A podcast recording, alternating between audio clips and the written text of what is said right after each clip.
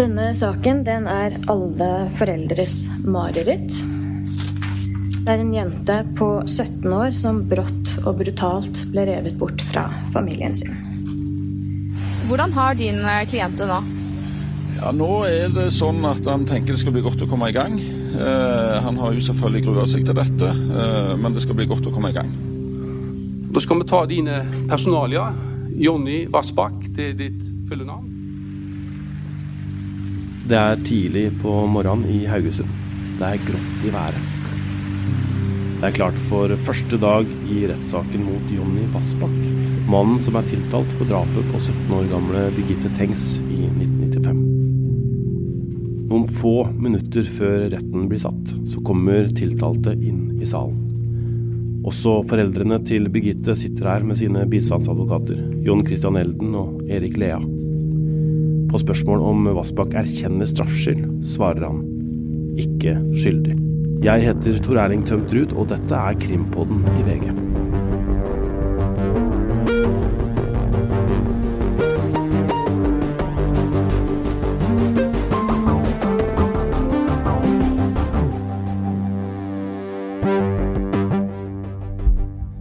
Gjennom åtte uker skal retten forsøke å gi svar på hvem som tok livet av Birgitte Tengs.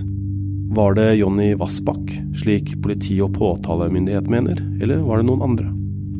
Vassbakks forsvarer Stian Christensen er tydelig på hvilke forventninger han og hans klient har til saken.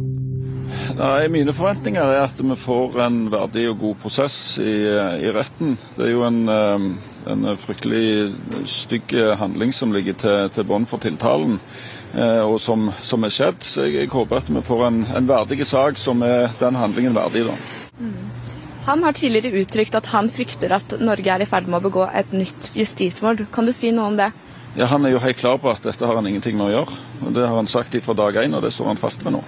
Det har vært mye snakk om dette DNA-beviset, som knytter han til et funn på Birgitte Tengs sin strømpebukse. Hvordan kommer dere til å undergrave det beviset som blir et av de påtalemyndighetens sterkeste i retten?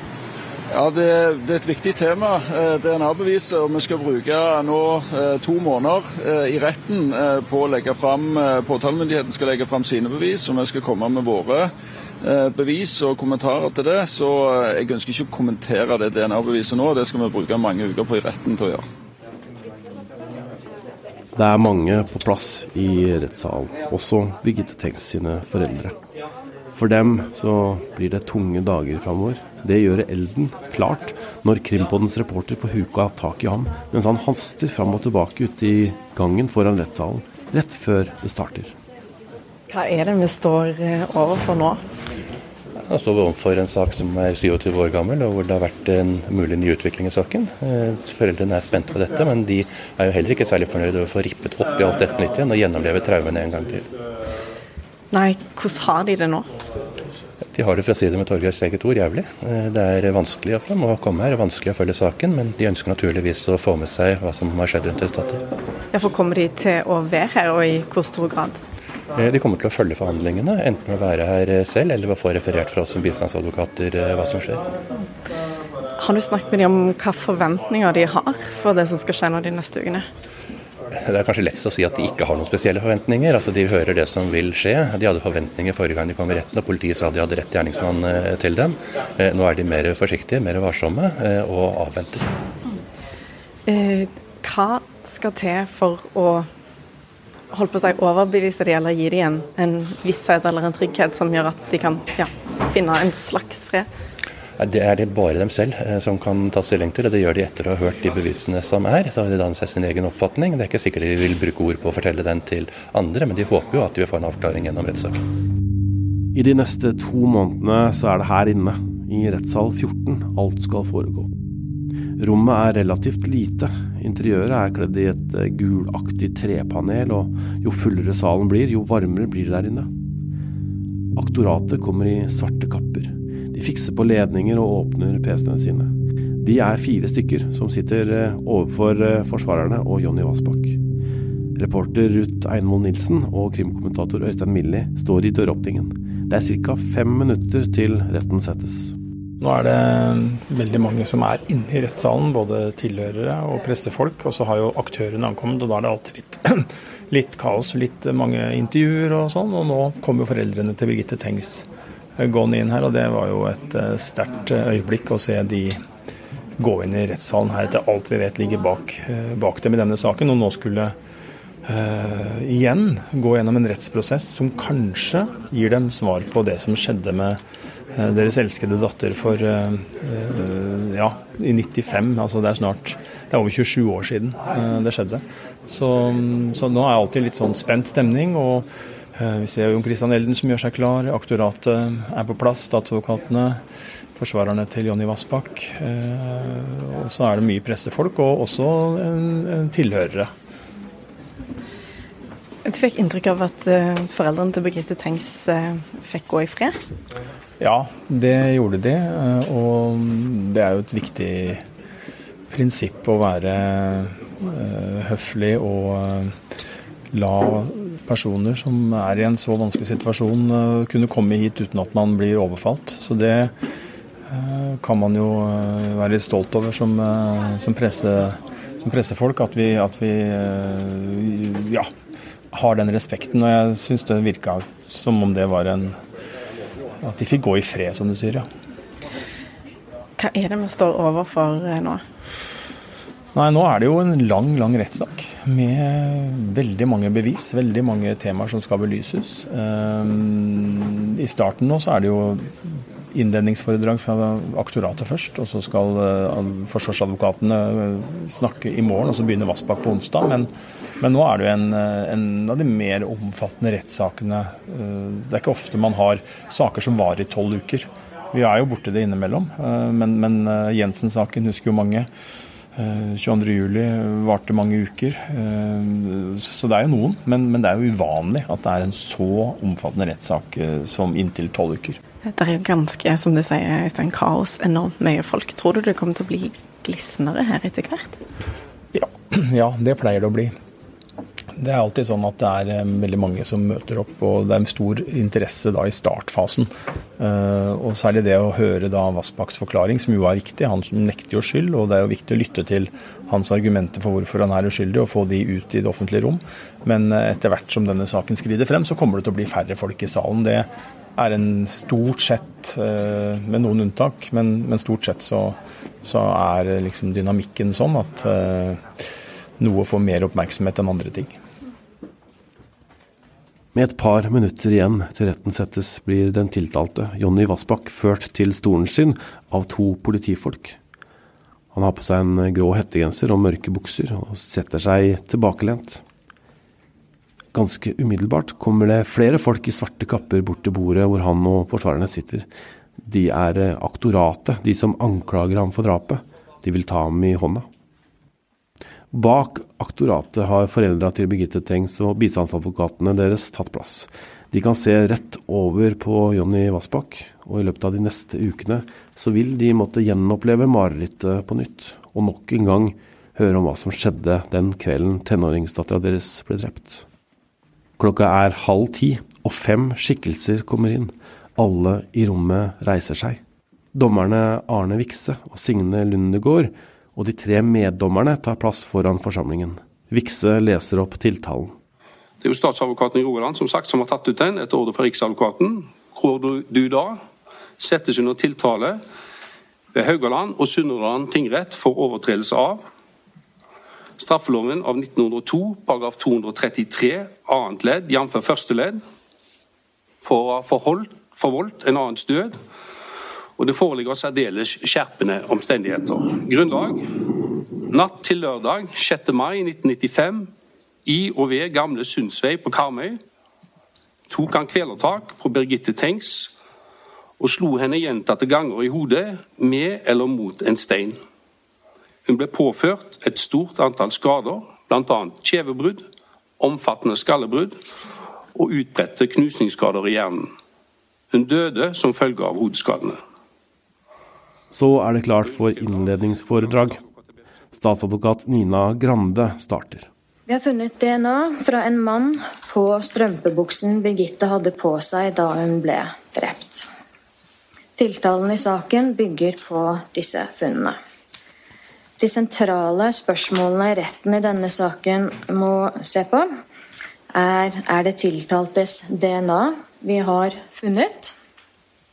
Og kan det tenkes andre realistiske forklaringer på hvorfor DNA-et befinner seg der, enn at gjerningspersonen avsatte sporet i forbindelse med drapet?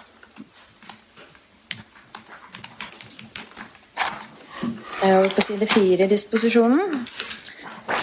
Påtalemyndighetens anførsler er at det er tiltaltes DNA at funnet ikke lar seg forklare uten at han er gjerningsmannen, og at det ikke er andre realistiske måter sporprøven kan være avsatt på.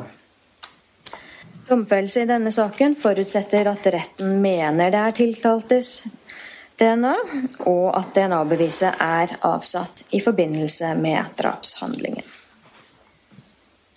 Det er DNA-beviset som er hovedbeviset, og det eneste som kan lede til domfellelse av tiltalte.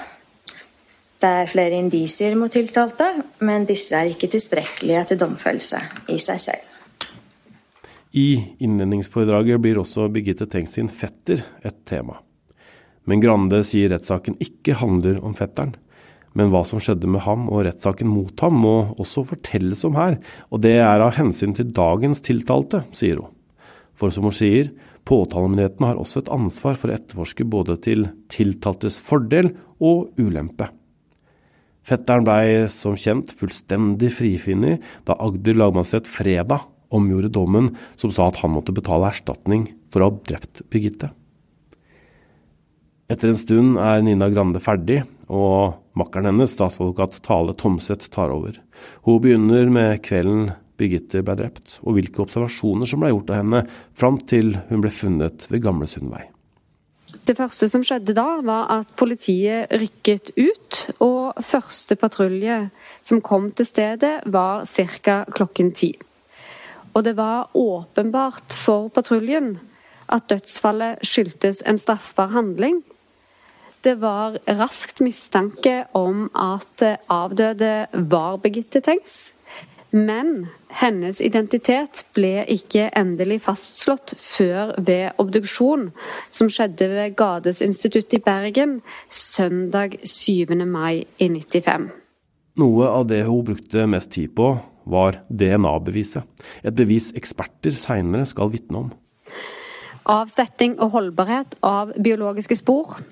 Celler DNA kan avsettes ved ulike mekanismer, direkte kontakt, indirekte kontakt eller luftbåren ved f.eks. hosting, nysing. Den vanligste måten å avsette celler på er ved direkte kontakt, f.eks. fysisk kontakt mellom en person og et objekt. Det er vist at celler også kan avsettes ved indirekte kontakt, f.eks. at celler flyttes fra et objekt til et nytt objekt eller en person, men dette anses å være en sjeldnere hendelse. Skal indirekte kontakt forklare et DNA-funn, må det foreligge en kilde med persons celler, en mekanisme som kan forklare overføringen, samt en anledning for overføringen. Sjansen for overføring av celler generelt er større for gode DNA-kilder, som f.eks. blod, spytt og sæd. Epitel Epitelceller fra hud regnes som en dårlig DNA-kilde, og mange vil ikke avsette nok celler ved en enkeltberøring til å oppnå et DNA-resultat. Avsatte celler kan bevares på en overflate hvis de er beskyttet fra ytre faktorer som degraderer eller fjerner cellene. DNA-et, f.eks. varme, fuktighet og mekanisk berøring. Og så er det òg sånn at eh, det er ikke på alle åsted at man finner DNA-spor. Mangel på DNA-spor medfører jo ikke at det ikke er en gjerningsmann. Noen har utvilsomt utført handlingen. Men det er stor forskjell på hvilke bevis som etterforskere klarer å finne på et åsted. I dag har man mye mer erfaring med DNA-spor enn man hadde i 95. Man har mer erfaring med hvor man skal lete etter spor. Hadde drapet skjedd i dag, så kan det hende at vi hadde funnet mer DNA. Men som det er sagt, så er det også i dag saker hvor det finnes svært lite DNA-spor. I denne saken så er det funnet ett DNA-spor som vi mener at stammer fra tiltalte.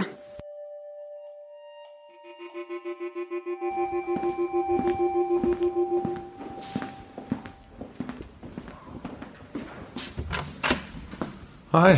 Hei. Her kan vi være litt i fred. Ja. Nå har jo dette innledningsforedraget foregått hele dagen. Vi er mot slutten av rettssaken i dag, Øystein. Mm. Um, og hvis du skulle oppsummere, da, uh, helt kort, hva er det mest interessante som kommer fram i dag? Nei, Det er jo DNA-sporet. Og det er jo det det kommer til å handle om. Og det gjør det allerede nå. Vi hører jo om uh, hvordan man har uh, eh, jobba det frem, og at man mener at dette DNA-beviset det uh, stammer fra Jonny Vassbakk. Og politiet og påtalemyndighet mener at det er avsatt der i forbindelse med at han drepte Birgitte Tengs. Det er deres utgangspunkt, og det kommer de til å forsøke å føre bevis for. Vi skal snakke mer om det, eh, for det her blir jo det store. Eh, DNA i denne saken her blir veldig, veldig viktig. Men eh, vi så jo også at Jonny Vassbakk kom inn i rettssalen i dag tidlig. Hva slags inntrykk fikk du? Det er vanskelig å danne seg et inntrykk, og det er klart han er i en fryktelig pressa og vanskelig situasjon. Han kom inn i en grå hettegenser og, og tok plass ved forsvarerne sine og svarte ganske lavmælt ikke skyldig da han ble spurt om, eh, om det. Ellers har jo ikke han sagt mye. Eh, det var jo bare litt personalia og litt eh, hva han jobba som lastebilsjåfør og hvor han bor og sånn. Og så er det jo det med straffskyld som han da ikke erkjenner. Og så er jo han en taus tilhører nå, både i dag og i morgen. Det er jo først på onsdag han begynner å forklare seg, og da får vi høre mer om ja, både hvem han er og mm, hvordan han stiller seg utover det vi allerede vet. Da. At han er, eh, mener han ikke har noe med denne saken å gjøre. Så får vi høre litt om han, eh, hva han mener han gjorde den kvelden, og hvor han var. og ja, rett og slett hvordan han stiller seg til, til det som eh, påtalemyndigheten mener han har gjort. Ja, Han er jo også en såkalt eh, moduskandidat, da, som politiet og påtalemyndighet sier. Altså At han er, eh, har gjort ting som, som kan eh, ligne på det som, som, har skjedd her. Hva veit du om det? Ja, det er jo At det ligner på det, er vel å ta det litt langt, kanskje. Det, han har jo begått voldelige eh, begått voldelige angrep, eller ja, gått til angrep på kvinner, både med en sykkelpumpe, men han har jo også tatt et, et, en snor rundt uh, hals, nakke på uh, psykologen sin, mm. uh, og stramma jo så hardt at uh, hun trodde hun skulle dø, men så røyk snora. og så har jo Vassbakk, i hvert fall forsvareren hennes, fremheva at han pleier jo, har pleid å tilstå det han har blitt anklaga for når han har gjort det, at det er en, en, en trekk ved hans politiforklaringer, og når han har vært i retten, så har han eh, erkjent det. Og det har han ikke gjort denne gangen. Eh, og så mener man at det kan trekke i retning av at han da faktisk er uskyldig. Han har jo sjøl sagt at han frykter at dette blir et justismord igjen. Eh, og det må man jo absolutt lytte til. og den eh, jobben som eh, de to eh, aktorene er i gang med, den blir jo veldig viktig. fordi at man kan ikke bomme igjen her. Nå må påtalemyndigheten presentere så grundige bevis som er så velfundert, og ja, fjerne den tvilen som er der. Det er jo deres jobb nå, når tiltalen først ligger der. Og så får vi jo se, da. Det er en lang rettssak med mange elementer. Og vi veit ikke noe mer om hva de eventuelt har, eller? Nei, og det altså Bare det er sagt, Vassbakk skal jo betraktes som, eh, som uskyldig inntil det motsatte er bevist. Og det bevises jo kun i retten, og det er jo nå det slaget står. Eh, det er ikke dukka opp noe nytt, nei. Eh, tvert imot så har det kanskje kommet litt sånn det man trodde kanskje man hadde klart å finne ut av den nye etterforskningen, viser seg jo at man ikke har gjort. Man vet jo ikke hvordan Jonny Vassbakk eventuelt, hvis det er riktig som påtalemyndigheten sier, at han har truffet Birgitte Tengs, så vet man ikke hvor og når det skjedde. Eh, man vet heller ikke altså man vet ikke om hun kom inn sammen med han i en bil engang. Det er redegjort for at det er mange observasjoner av jenter som, som gikk langs veier og flere ruter. Og det er også i, i, retning av drapsstedet. Det er også observasjoner av jenter som lente seg inn mot biler i Kopervik sentrum. Og man vet ikke om Birgitte Tengs, dersom hun traff Jonny Vassbakk den kvelden, om hun har øh, ja, truffet ham helt opp mot åstedet, eller om det skjedde på veien, eller om det skjedde i Kopervik. Så, så, det er jo Ja, det er kanskje ikke overraskende, men jeg, men hadde, hadde heller ikke blitt overraska hvis man klarte å si noe mer sikkert om det nå, men det gjør man altså ikke. Nei, men det de har sagt allerede nå, er jo dette DNA-et. Eh, de mener, og er helt sikre på, at det er Jonny Vassbakks eh, DNA i en blodflekk på Birgitte Tengs sin strømpebukse. Hva har de sagt om det? Nei, de jo, dette er jo, dette er jo et uh, DNA-spor som uh, har ligget der hele veien, men som ikke har vært mulig å gjøre noe med før nå i det siste. Uh, og vi hørte jo under innledningsforedraget nå at man i mars 2019 så fikk man svar fra Østerrike for første gang som pekte på at det var et treff mellom Jonny Vassbakks DNA-prøve, altså referanseprøven hans, som jo politiet har hatt, for den har han avga han eh, for ganske mange år siden. Eh, eh, så den har man hatt, og, og da fikk man det første treffet der. Og, og fra det tidspunktet så starta man en etterforskning, skjult etterforskning retta mot Vassbakk. Med, nå kommer det mer frem etter hvert, men det, er jo, det, som, det som har sivet ut, er jo at det har vært ganske omfattende eh, skjult etterforskning. Eh, Bl.a. undercover-agenter, avlytting dataavlesing, hemmelig ransaking, en rekke ting man har gjort. Uten at det, og det er saktor, da, uten å gå inn på hva slags hemmelig etterforskning konkret som har, fore, som har foregått, så sa jo denne statsadvokaten at eh, jeg tror det var Nina Grande, at eh, det hadde ikke avklart eh, Vassbakks rolle i saken. Så det har altså ikke brakt noen bevis i retning av verken skyld eller uskyld, hvis vi skal tolke henne, da.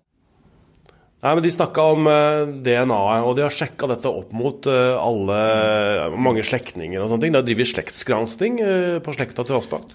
Ja, og det er jo en omstendighet her at dette um, har vært en mutasjon her som gjør at man blir enda sikrere, som påtalemyndigheten ser det. Så man har jo gått opp slektslinjer og undersøkt det så grundig man kan, og påtalemyndigheten mener jo at det er ja, svært, svært sannsynlig at det DNA Eh, sporet på Birgitte Steng sin strømpebukse, det, det, det, tilhører Jonny Vassbakk. Og så er det, men så er det jo, det er jo Sett fra en forsvarers side, så er det jo to, i hvert fall to angrepsvinkler her. Det ene er jo er faktisk DNA-sporet fra Vassbakk? Kan man si det så sikkert? Det er nummer én. Og nummer to er dersom det er Vassbakks DNA, har det faktisk kommet på strømpebuksa i forbindelse med drap? Eller kan det ha andre forklaringer? Og Der vet vi at forsvarerne kommer til å uh, ja, gå videre inn på det. Uh, om de går inn på nummer én, det gjenstår å se. Men nummer to, altså at det kan ha havna her på en annen måte, det vet vi at kommer uh, til å bli et tema her. Og Da handler det om hvordan politifolk har beskytta seg, hvordan man gjorde den innledende etterforskninga. Vi vet at det er en politimann som har vært i kontakt med Vassbakk, som man lurer på om kan ha si, overført DNA over på, på strømpebuksa på, på, en måte. da. Og så er det jo et spørsmål om hvordan strømpebuksa har vært eh, oppbevart disse 25-26 årene før den ble undersøkt igjen. Så det er jo mange ting som forsvarerne kommer til å bore i her. Og så vet vi at politi og påtalemyndighet har, har, jo eh, jeg tror jeg har satt av en ukes tid til DNA og ulike internasjonale eksperter som skal inn her og, og snakke om det. Så det, Eh, og det har jo aktoratet vært åpne på, at uten det DNA-treffet så hadde ikke vi hatt noen eh, hovedforhandling. Hadde ikke de kommet og gått i retten med den saken her. Så det er DNA-sporet som er trumfkortet til eh, aktoratet. Og så har de selvfølgelig noen understøttende argumenter, men de, de holder ikke alene. Dette med åstedet blir jo et uh, tema her, fordi måten politiet håndterte et åsted er veldig forskjellig nå uh, enn fra 1995. Nå så har man på seg beskyttelsesdrakter, og man er veldig forsiktig, man dekker et svært område osv. Men den gangen, og da hørte vi også at ja, nei, det var vanlig at politifolk røyka, og at de kasta sneipene på åstedet osv. Ja, det var jo litt både òg. Og vi hørte også hvordan de hadde tatt seg inn til åstedet en annen vei enn det man trodde man hadde, gjerningsmannen hadde slept Birgitte. Eh, og vi så også noen oversiktsbilder med ganske mye plast som var lagt utover både veien og stien, holdt jeg på å si, eller den delen Det var jo ikke noe sti, kanskje, men der som man mente at, at Birgitte var dratt inn og, og, skjult. Og også selve funnstedet.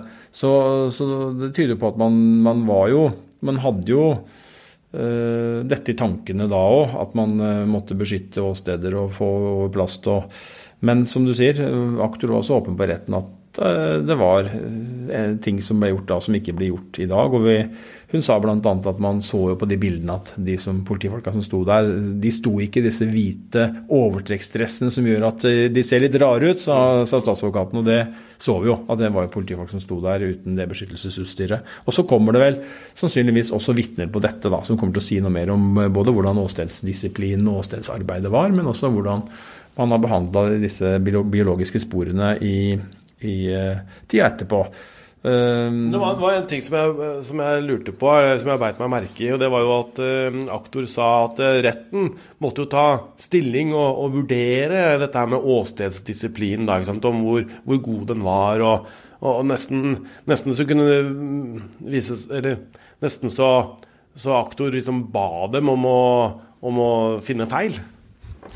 Ja, og det, det, er jo et viktig, viktig, poeng, det. Man skal jo, og dette har man blitt mer, bevisst på, man skal på en måte angripe det kritisk og på en måte nesten prøve å motbevise det eh, så man ikke får disse bekreftelsesfellene. Og det gjelder jo både når politiet etterforsker en sak, så prøver man jo motbevise sine egne hypoteser.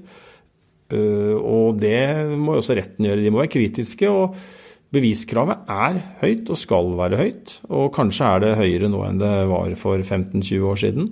Ehm, så eh, og Derfor så er det jo viktig for et aktorat å spille med åpne kort og trekke alle elementer opp, og, og ikke eh, drive noen form for eh, hva skal vi si, en taktisk spill hvor man prøver å dysse noe ned eller forsøker å ta ned betydningen av noe. Det, det skal man ikke. Og det tror jeg man har blitt veldig bevisst på, og sikkert alltid vært også, men man er ikke noe mindre bevisst på det nå enn man, man har vært før, i hvert fall. Og, eh, ja, så blir det jo da spennende å se hvordan, hvordan forsvarerne kommer til å angripe dette her. Eh, de har jo en, eh, har jo en motbakke. Eh, og dette DNA-beviset, det, det, må jo på en måte Man får, må få retten med seg på å tro at det kan ha en annen forklaring enn det politiet og påtalemyndighet gir, og det ekspertene også gir. Da. Og det blir jo spennende å se hvordan man skal få til det.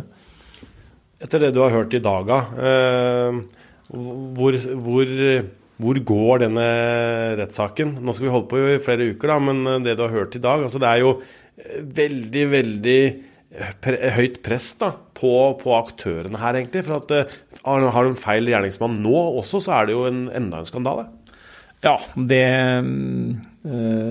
det, det går nesten Eller det går ikke an. Jeg skriver en kommentar herfra også, det peker jeg på der. At, at nå man har feila grovt på mange områder her. Og det er ikke bare det at man har utpekt eh, feil gjerningsmann eh, gjennom fetteren. Og vi har jo også hørt i dag at fetteren blir jo nå et stort tema i denne saken også. Fordi at han er jo dømt, altså han er jo frikjent og ute av saken og ble jo erstatningsdommen opp, oppheva på fredag. Men han har jo både tilstått og vært en del av denne saken, så påtalemyndigheten må jo, akkurat i forhold til det vi snakka om, da, at man skal være åpen om alt som har skjedd. Og fetteren blir også et tema i denne saken, fordi at eh, påtalemyndigheten, som vi var inne på, er jo ute etter å legge alle elementer på bordet. og selv om han har fått erstatningsdommen sin oppheva så seint som på fredag, og nå er ute av den saken ordentlig for første gang, så blir han en del av straffesaken mot Vassbakk. Fordi at han, historien, historisk sett så vil jo han alltid være en del av denne saken. Han ligger inne i etterforskningen. Han, var, han tilstår jo drapene. Så vet vi nå at det var en falsk tilståelse, men dette må man belyse, da. Eh, og det, det kommer jo frem. Og så er det jo så er det jo selvfølgelig sånn, og det er jo verdt å merke seg, tenker jeg som forsvarer i hvert fall, så hadde jeg lagt vekt på at det kommer jo frem ting her. både, ja, det er, jo, det er jo, ikke nytt, vi har jo hørt om det før, men det blir jo spesielt når det kommer i en, en sammenheng. Og det er jo dette håret. Vi har visst om at politiet tok jo veldig feil der. Trodde jo dette håret var eh, en gjerningsmann sitt, et langt, lyst hår. Og jakta jo med det premisset i eh, lang tid. Og så plutselig så kommer det en ny analyse og sier at det er Birgitte sitt hår. Eh, en kjempetabbe. Vi hører en lege som kommer på stedet for å slå fast dødstidspunktet og har ikke Eh, har ikke termometer som går an å ta lav nok temperatur. Ergo så sliter man jo, og det er jo noe av det aktoratet var innom også i tilknytning til dette med bilen. At ikke vet man hvor og når Birgitte Tengs, hvis hun kommer i kontakt med Vassbakk, kom i kontakt med han, og ikke vet hun når, eh, vet når hun ble drept. Ehm, og der er det jo to, der er det enda en tabbe til, og det er jo at man sendte jo mageinnhold eh, per post til analyse for å se om man kunne få et dødstidspunkt ut fra det. Det forsvant jo da i posten. Eh, og så kan man jo spørre seg og dette er jo egentlig ikke et spørsmål, men det er jo en eh, konklusjon. og Det, man, det, det høres jo ut som en veldig dårlig plan å sende viktig bevismateriale i posten. Det er jo sjokkerende at det ble gjort. det er nesten, nesten, ikke til å tro? Det er nesten ikke til å tro. Jeg tenker at det, det må man ja, det har man kontroll på hele veien, og da frakter man det sjøl. Og på Som om det skulle vært ja, det viktigste i verden. Selvfølgelig må man gjøre det. Men uh, nei, så det er jo en del, og det er jo en del omstendigheter her som Hele denne saken er jo veldig spesiell på mange måter. Det ene er jo at det er drap på en jente på 17 år som er på vei hjem og ble funnet drept 400 meter fra, fra, hjemmet sitt, og som har blitt frarøvet livet på et bestialsk vis. Et seksualmotivert drap. Grov, forferdelig vold uh, som er begått, uh, og som er skjult og ja, forlatt der. Eh, og så, jo, så er det jo alle disse elementene nå, disse tabbene og feilene og omstendighetene som gjør at denne saken eh, jo er en skandale. Eh, og nå får vi da se om man har fått det inn på rett spor. Eh, omfattende etterforskning, mm, brev bevisførsel. Og så mener jo nå påtalemyndigheten anno 2022 at de har, og det har de vært tydelige på i dag, sier at vi har rett mann på tiltalebenken. Men uh, hvis de ikke har det, så er det jo sånn at uh, vi i pressen er jo til stede i rettssaken. Og vi har fått kritikk, eh, f.eks. i den forrige eh, Tengs-rettssakene eh, og i Baneheia-saken, for at eh, pressen ikke har vært kritiske nok osv. Hvordan skal vi være det nå?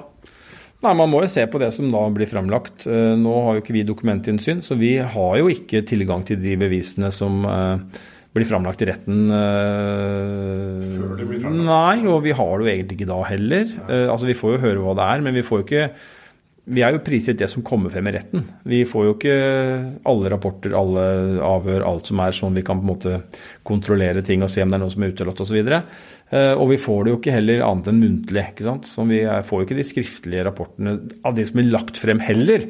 Eh, og Det er jo litt vanskelig å eh, forholde seg til, men vi, sånn er det nå. Fortsatt, dessverre. Nei, vi må jo være kritiske mot det politiet og påtalemyndighet eh, legger frem. Det er jo pressens jobb nå å sørge for at man ikke gjør en feil til, og at man at dette blir en fair behandling og en fair rettssak hvor alle eh, relevante elementer blir belyst, og at man har en kritisk tilnærming. Og det har jo, syns jeg vi har sett allerede, at man har hatt kritiske saker og eh, si, spørrende, undrende saker til det politi og påtalemyndighet eh, har, har fremlagt. Og så er jo, ja, så jeg, jeg tenker jo det blir jobben nå. Vi har jo vært i mange rettssaker, Øystein. Eh, og det er jo ganske likt. Eh, inne i salen så sitter det en del pressefolk. Eh, vi sitter på, et, på en sal på, på, utsiden hvor vi ser det hele på en skjerm. ikke sant? Og så er det livesendinger, det er kameraer, masse fotografer osv. Og, så og vi hørte jo forsvareren i Krimpoden eh, si i forrige uke at han håpa at det skulle bli en, en verdig rettssak. da. Eh, hvordan skal vi få til det? Nei, Det syns jeg det er eh, så langt. Det er, det er stort medietrykk. Eh, men eh, det er jo ingen som har, så vidt jeg har sett, brutt forbudet mot å fotografere Vassbakk. Er jo, han er beskytta av norsk lov. og jeg, jeg så også var så vitne til når uh, Karen og Torger Tengs, kom, kom, inn i retten. Så var det ingen som uh, opp opptrådte sånn jeg så det, eh, og pågående plagsomt overfor dem. Eh, og så får jo vi høre da om, er, om de opplevde det på samme måten. Men sånn jeg så det, så var det en eh, verdig seanse hvor pressen tok bilder og filma dem, men at de fikk likevel gå da, at det var på avstand, og at man fikk gå i fred. Og, så jeg, jeg, jeg Ja, jeg syns jo de fleste rettssaker Ja, det er medietrykk, og ja, det er selvfølgelig medier som stimler sammen rundt en advokat eller en aktor og stiller spørsmål, uh, men uh, jeg syns jo stort sett at vi klarer å holde i skinnet, og at det er en verdighet, til tross for at det selvfølgelig er et medietrykk. Det skal vi ikke legge skjul på. Mm. Nei, vi får gå tilbake igjen, og vi fortsetter. Vi er jo her i morgen, vi. Vi er her i morgen og eh, følger saken da. Og vi følger selvfølgelig saken når Vassbakk skal begynne å forklare seg, og skal jo gjengi hans uh, forsvar på en ja, grundig måte. Mm. Dette var første episode om eh, Tengs-rettssaken. Denne uka så kommer vi til å legge ut en episode hver dag. Reporter i retten er Ruth Einhold Nilsen. Øystein Milli og jeg er også i Haugesund. Og Ingrid Bergo, Vilde Elgåen, Anne Sofie Mengon Aaskar og Morten Hopperstad har bidratt til journalistikken i denne episoden. Vilde Worren er produsent for Krimpodden, og nyhetssjef er Emilie Hall Torp. Har du hørt den andre episoden vi la ut i dag, som handler om det uløste drapet på Trine Fransen? Vi har nemlig laga en dokumentar om det drapet, og første episode ligger nå ute på Podme, eller hvis du hører Krimpodden via VG+.